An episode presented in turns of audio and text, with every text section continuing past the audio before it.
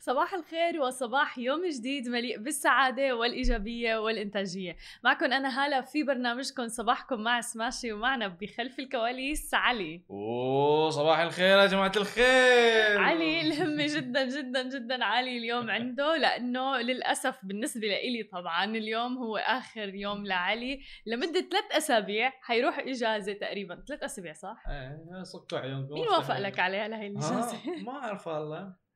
في أحد شغل يعني. بس تستاهل فعلا يعني بعد كل هذا الجهد اللي قمنا فيه عن جد فعلا فعلا فعلا تستاهل الإجازة يعني. شكرا تستحقها. اليوم خلينا نخبركم إنه آه، مخبي لكم أخبار عن لقاحات فيروس كورونا عن آه، أوضاع العيدية بعيد آه، وتحديدا هذا العيد وبالظروف الاستثنائية وفيروس كورونا. وأيضا بدنا نحكي عن آه، وكالة الأنباء رويترز اللي عم تعمل الآن الأخبار تبعها بطريقة الاشتراك أيضا. وفي الختام رح يكون معنا ضيفنا اللي رح نحكي معه عن الاستثمارات في المنطقة العربية.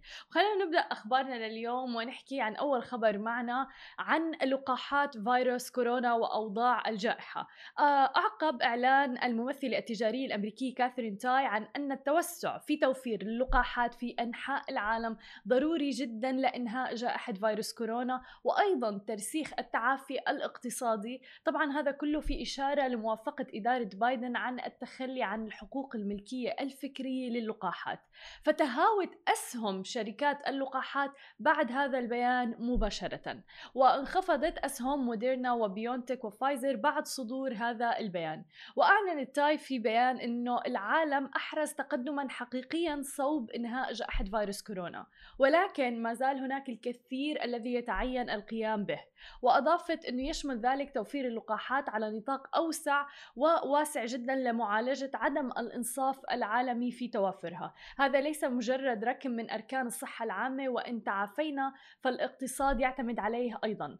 وأشارت إلى أن قرارات منظمة التجارة العالمية تستدعي الموافقة بالإجماع من قبل كل أعضائها ال 164 ويأتي رضوخ الإدارة الأمريكية للتخلي عن قيود تصنيع اللقاحات بعد ضغوط من ضمنها كان استمرار ارتفاع الوفيات والإصابات بفيروس كورونا بعد تسجيل أكثر من 3786 وفاة وعدد الإصابات بتزايد مستمر أكثر من 382 ألف إصابة بفيروس كورونا خلال الساعات ال 24 الأخيرة وصولا إلى عدد الحالات النشطة لأكثر من 3 مليون إصابة. بلغ يعني 3 مليون تقريبا و490 ألف إصابة. منها كان 2.6 مليون إصابة جرى تسجيلها خلال الأسبوع الأخير. لذلك عم بيتم التركيز على أنه فعلا يتم تصنيع اللقاحات وتوفيرها لجميع أنحاء العالم من دون ما يكون في نوع من آه، يعني التفرقة ما بين البلدان اللي قادرة على الحصول على اللقاح وغيرها.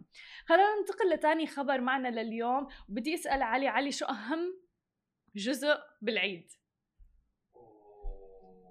أهم جزء بالعيد؟ إيه. طبعا تتوقعين إنه أقول فلوس بس لا إيه آه، أهم شيء آه، نحتفل مع مع الأهل صحيح عرفتي؟ ثاني شيء يعني هو زياد زيادة خير. إيه، هذا هذا شوي فلوس ما فلوس. العيدية إيه، العيدية من الوالدة والوالد والخال وال- والعم وال- والعائلة كلها. مبدئيا.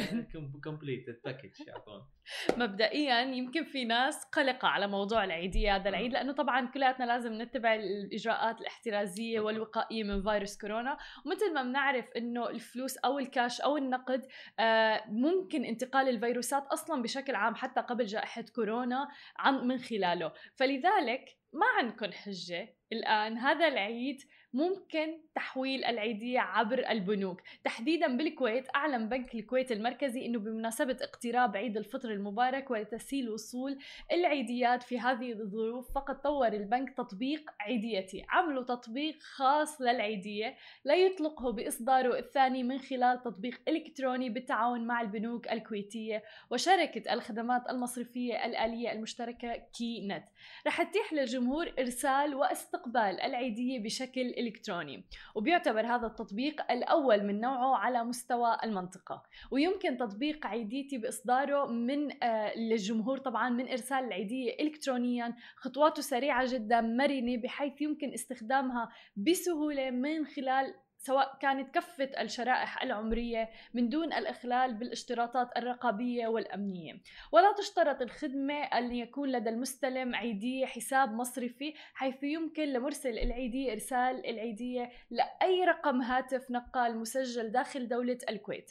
كما تشمل أيضا الخدمة على مجموعة من المزايا الجديدة مثل متابعة حالة العيدية بحيث يمكن للمرسل التحقق من الحالة والتأكد أيضا من وصول المبلغ أو من عدمه لمتلقي العيدية. إضافة أيضا إلى إمكانية إرسال رسالة خاصة للمتلقي وغيرها من المزايا وعديد من الحوافز أيضا النقدية والعينية لكل من مرس رح يرسل العيدية وحتى متلقيها. ويمكن التعرف على كل هذه التفاصيل من خلال تحميل تطبيق عيديتي المتوفر على App Store و Play Store الحلو بالموضوع علي إنه يمكن إرساله من دون ما يكون عندك حساب بنكي. وأنا بتوقع هذا شيء رائع جدا لأنه كثير منا بنحب نرسل مثلا العيدية للفئة العمرية الصغيرة ممكن اللي قد لا يكون عندهم أصلا حسابات بنكية ولكن هذا ما راح يوقف الموضوع. فبالتالي العيدية راح توصل للأشخاص نفسها يعني مو للأهل ويخبوا العيدية يقولوا لنا بدي أخبي العيدية. حلو والله. صح؟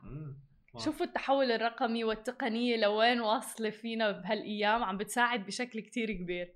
أنا توني مستوعب. أنا الحين لازم أعطي العيدية. طبعا. لكن علي مفكر إنه بس خلص يعني هو بيأخذ عبالي نفس قبل لا لا أستلم لا, لا خلص, لا صار الدور عليك يعني. إيه الحين دور دورنا. ولكن جميل جدا انه نشوف عن جد إنه التحول الرقمي ال digital تحديدا بوضع مثل جائحة فيروس كورونا. اللي كثير في ناس فعلا في عندها تخوف أصلا ما راح يكون في تجمعات. يعني في العديد من الدول في المنطقة العربية أكدت إنه مثلا من منع التجمعات وراح تكون في مخالفات مثل بدولة الإمارات للعيال اللي بتتجمع مع بعضها آه، بعيد الفطر المبارك حفاظا طبعا على سلامة الجميع. ولكن مثل ما ذكرنا يعني ما في حجة للعيدية دائما عم بيطوروا بهذه الأمور لحتى توصل للجميع. خلينا ننتقل لآخر خبر معنا اليوم ونحكي عن وكالة الأنباء رويترز تحديدا كشفت رويترز نيوز عن موقع إلكتروني جديد بنظام الدفع مقابل قراءة المحتوى في إطار مبادرة أوسع نطاقا لاجتذاب المتخصصين في المجالات الأعمال المختلفة. وإضافة إلى استهداف قرائها الحاليين على مستوى العالم. يأمل موقع رويترز dot com المحدث بجذب متخصصين مستعدين للدفع 34.99 دولار شهريا من أجل مستوى أعمق من التغطية والبيانات الخاصة بقطاعات الصناعة اللي رح تشمل قانون الأعمال المستدامة الرعاية الصحية وأيضا السيارات وغيرها من المواضيع الأخرى. عم نشوف أنه العديد من الشركات عم تتجه نحو الاشتراكات شفنا هذا الموضوع بمواقع التواصل الاجتماعي أيضا. شفناها بتويتر. آه، تويتر أعلنت سابقا إنه عم تشتغل على ميزة الاشتراكات بحيث يمكنكم الاشتراك بالحساب وصاحب المحتوى. آه، وصاحب المحتوى هو اللي بيحدد المبلغ. ولكن عم نشوف إنه حتى وكالة الأنباء رويترز عم تحدث موقعها وعم تعمل اشتراكات لقراءة المحتوى. آه، تقريبا 35 دولار شهريا. مبلغ مو قليل 35 دولار شهريا. ولكن للناس المختصة وبتوقع حتى الشركات تحديدا آه رح يستخدموا آه بشكل كتير كبير وفعلا رح يضيف لهم قيمة بشكل كبير جدا. بعد الفاصل مثل ما وعودينكم مقابلتنا اليومية. مقابلة اليوم رح تكون مع المحلل المالي علي خيري للحديث عن الاستثمارات في المنطقة العربية. خليكم معنا ولا تروحوا لبعيد. ورجعنا لكم من جديد ومعنا ضيفنا من القاهرة اليوم علي خيري المحلل المالي من مودوس كابيتال أهلا وسهلا فيك معنا اليوم. أهلا بيكي صباح الخير. صباح النور. شو الأخبار؟ كله تمام؟ كله تمام. آه اليوم حابين بداية نسمع منك تعطينا نبذة عن مودوس كبداية وبعدين حابين نحكي عن الاستثمارات بمنطقتنا العربية. أكيد. مودس هو صندوق مال مخاطر. وإحنا عندنا نموذج عمل مختلف عن عن الصناديق المال المخاطرة الثانية آه، صندوق المال المخاطر هو هو صندوق استثمار بيستثمر في الشركات الناشئه المدعومة بالتكنولوجيا. فهو عادة بيبقى صندوق بيدعم رواد الأعمال في المجالات المختلفة اللي بيشتغلوا في المجال التكنولوجي. صندوق استثمار مودس أو شركة مودس في المجمل هي آه، شركة مدمجة. يعني إحنا عندنا نموذج عمل آه، بيستثمر في الشركات وفي نفس الوقت بيدعمهم دعم آه، عيني بحيث إن إحنا عندنا فرق عمل بتشتغل مع رواد الأعمال في حل مشاكلهم اللي بتواجههم في الشركة. مشاكل التكنولوجيه المشاكل الاداريه الحاجات دي كلها. فإحنا عندنا نموذج عمل بيمول وفي نفس الوقت بيدعم رواد الأعمال. جميل. طيب كيف ممكن تدعموهم يعني غير عن طريق المال؟ شو الخدمات اللي بتقدموها؟ إحنا عندنا فرق عمل بتشتغل في في مجالات مختلفة اللي بتهم رواد الأعمال. يعني فرق عمل استراتيجية تقنية إدارية كل كل فرق العمل دي ليها دور معين في دعم رواد الأعمال في في المشاكل المختلفة اللي بتقابلهم في مراحل عملهم في الشركة. حلو وأنتم على شو بتحصلوا بالمقابل؟ إحنا زي أي صندوق رأس مال مخاطر بناخد حصة في الشركة دي وطبعا بتفرق على حسب المرحلة اللي بنخش نستثمر فيها لو لو لو شركات ناشئة في مراحل يعني أولية بناخد حصة أكبر من من في مراحل مستقبلية زي أي رأس مال مخاطر يعني. حلو. طب وفي أساسيات مثلا أو في شيء بتركزوا عليه لحتى تستثمروا به الشركات الناشئة؟ إحنا أهم حاجة بالنسبة لنا إحنا بندور على فريق عمل يكون عنده قابلية لتقبل لتقبلنا معاه إن إحنا نبقى شركاء. لأن إحنا بنشتغل على مستوى دقيق مع الشركات مش مجرد بنديهم دعم مادي بس فبنهتم قوي بفريق عمل. حلو. طب وهي كيف كانت كورونا معكم؟ سواء كان مودوس كابيتال يعني من ناحية هل كان مثلا في قدرة على الاستثمار بالشركات الناشئة بهي الفترة؟ وهل كان في حاجة أصلا؟ آه بالتأكيد كان في حاجة طبعا. ال ال القطاع التكنولوجي عامة آه آه يعني واجه تغيرات في الكورونا بس كان في نشاط ملحوظ برضو. بالأخص في قطاعات معينة يعني لو قطاع بنتكلم على قطاع ال e-commerce و قطاعات أخرى فكان في نشاط.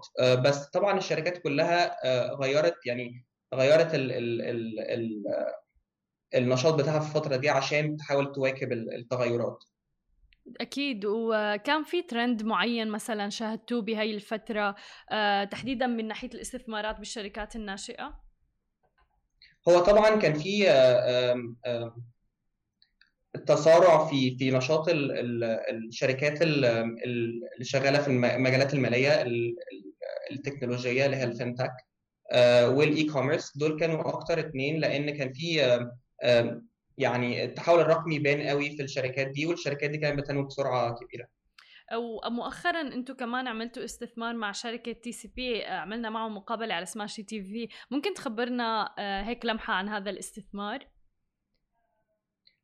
هي TCP في مجال ال factoring أو التقسيم. هي من من الشركات اللي شغالة في المجال المالي و وهي برضو شغالة في قطاع ال fintech اللي هو نما بشكل كبير. بس هي من الشركات اللي بت اللي بتشتغل B2B أو يعني بتشتغل بتقدم خدماتها للشركات. وده إحنا شايفين إنه إنه مجال مهم جدا لأن مش كتير من ال fintech شركات ال fintech بتشتغل B2B فإحنا شايفين ده مجال واعد جدا وهي زي ما قلت تذكرة قوية لأنه يعني ليه ليه نمو واعد.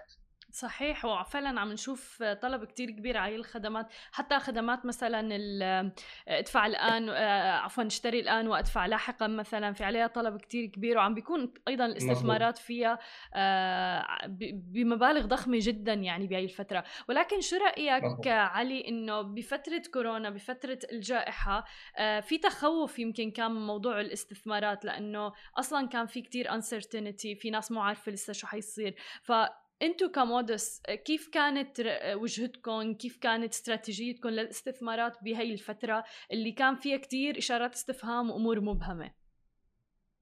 هو إحنا إحنا الاستراتيجي بتاعنا واحدة. يعني سواء قبل كورونا أو بعد كورونا زي ما وضحت إحنا بن بنركز على الفرق لأن دي اللي هي بتقوم الشركات. والفرق اللي عندها خبرة في المجال اللي هي شغال شغالة فيه هتواجه أي صعوبات قدامها. فاحنا الاستراتيجي بتاعتنا كانت واحدة. إحنا كمان كفريق عمل إحنا كنا مستعدين من قبل الكورونا لل... لل... للتغيرات دي لأن إحنا الفريق بتاعنا متوزع في كذا دولة. بنشتغل إحنا يعني online first فاحنا بنشتغل بهذه الطريقة من الأول. فالموضوع بالنسبة لنا ما كانش غريب. وبالنسبة للشركات إحنا الاستراتيجي بتاعتنا كانت إن إحنا نركز أكتر على زي زي الأول نركز على الفرق نركز على ال ال ال الأسواق الكبيرة اللي بتنمو بنمو كبير. فهي بالنسبة لنا الخطة كانت واحدة من الأول. وشو الأسواق اللي بتتوقع إنه عم تنمو بشكل كتير كبير؟ بتحديدا إنه أكيد أنتم عندكم بالأرقام وغيره أبحاث عن هذا الموضوع. إحنا شايفين الفinTech لسه أو ال أو ال المجال المالي التكنولوجي لسه في في مساحة كبيرة جدا. شفنا نشاط ملحوظ الفترة اللي فاتت فيه. نتوقع الفترة الجاية برضو في ال في ال في المجال التعليمي أو الاد education technology.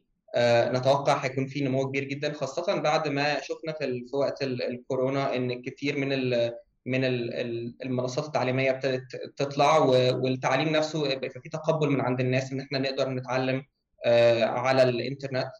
فإحنا ملاحظين الفترة الجاية هيكون فيها تركيز في في الحتة دي. في برضو في مجال ال medical tech ده لسه برضو بينشط يعني سواء ال telehealth اللي هو الاستشارات الطبية من خلال التليفون الحاجات دي كلها الفترة الجاية شايف إنها تبقى قوية جدا. جميل. طيب وإذا بدنا نحكي عن Epic Reality app اللي هي ال new venture تبعكم ممكن تخبرنا أكثر عنها؟ طبعا Epic Reality هي شغالة بتكنولوجيا الواقع المعزز أو ال augmented reality هي application يعني أقدر إنها سياحية في المقام الأول. هي بتمكن السائح إن هو يستكشف المدينة اللي هو فيها. طبعا Epic Reality من ال من ال من ال project أو من المشاريع أو الشركات اللي اتغيرت وجهتها في وقت الكورونا واضطر الفريق بتاعها وإحنا معاهم ان إحنا نحط خصائص مختلفة في في التطبيق بحيث ان إحنا نمكن السائح ان هو يستكشف المدينة بشكل آمن في وقت في وقت الكورونا. هو تطبيق متاح حاليا في دبي. وبس. جميل جدا. ونحن فعلا نحن بحاجة لهيك موضوع وتحديدا المستقبل هو الواقع المعزز. كل الشكر لك علي خيري محلل مالي من مودوس كابيتال وشكرا لكم مشاهدينا. أنا بشوفكم يوم الأحد بحلقة جديدة من برنامجكم. صباحكم مع سماشي.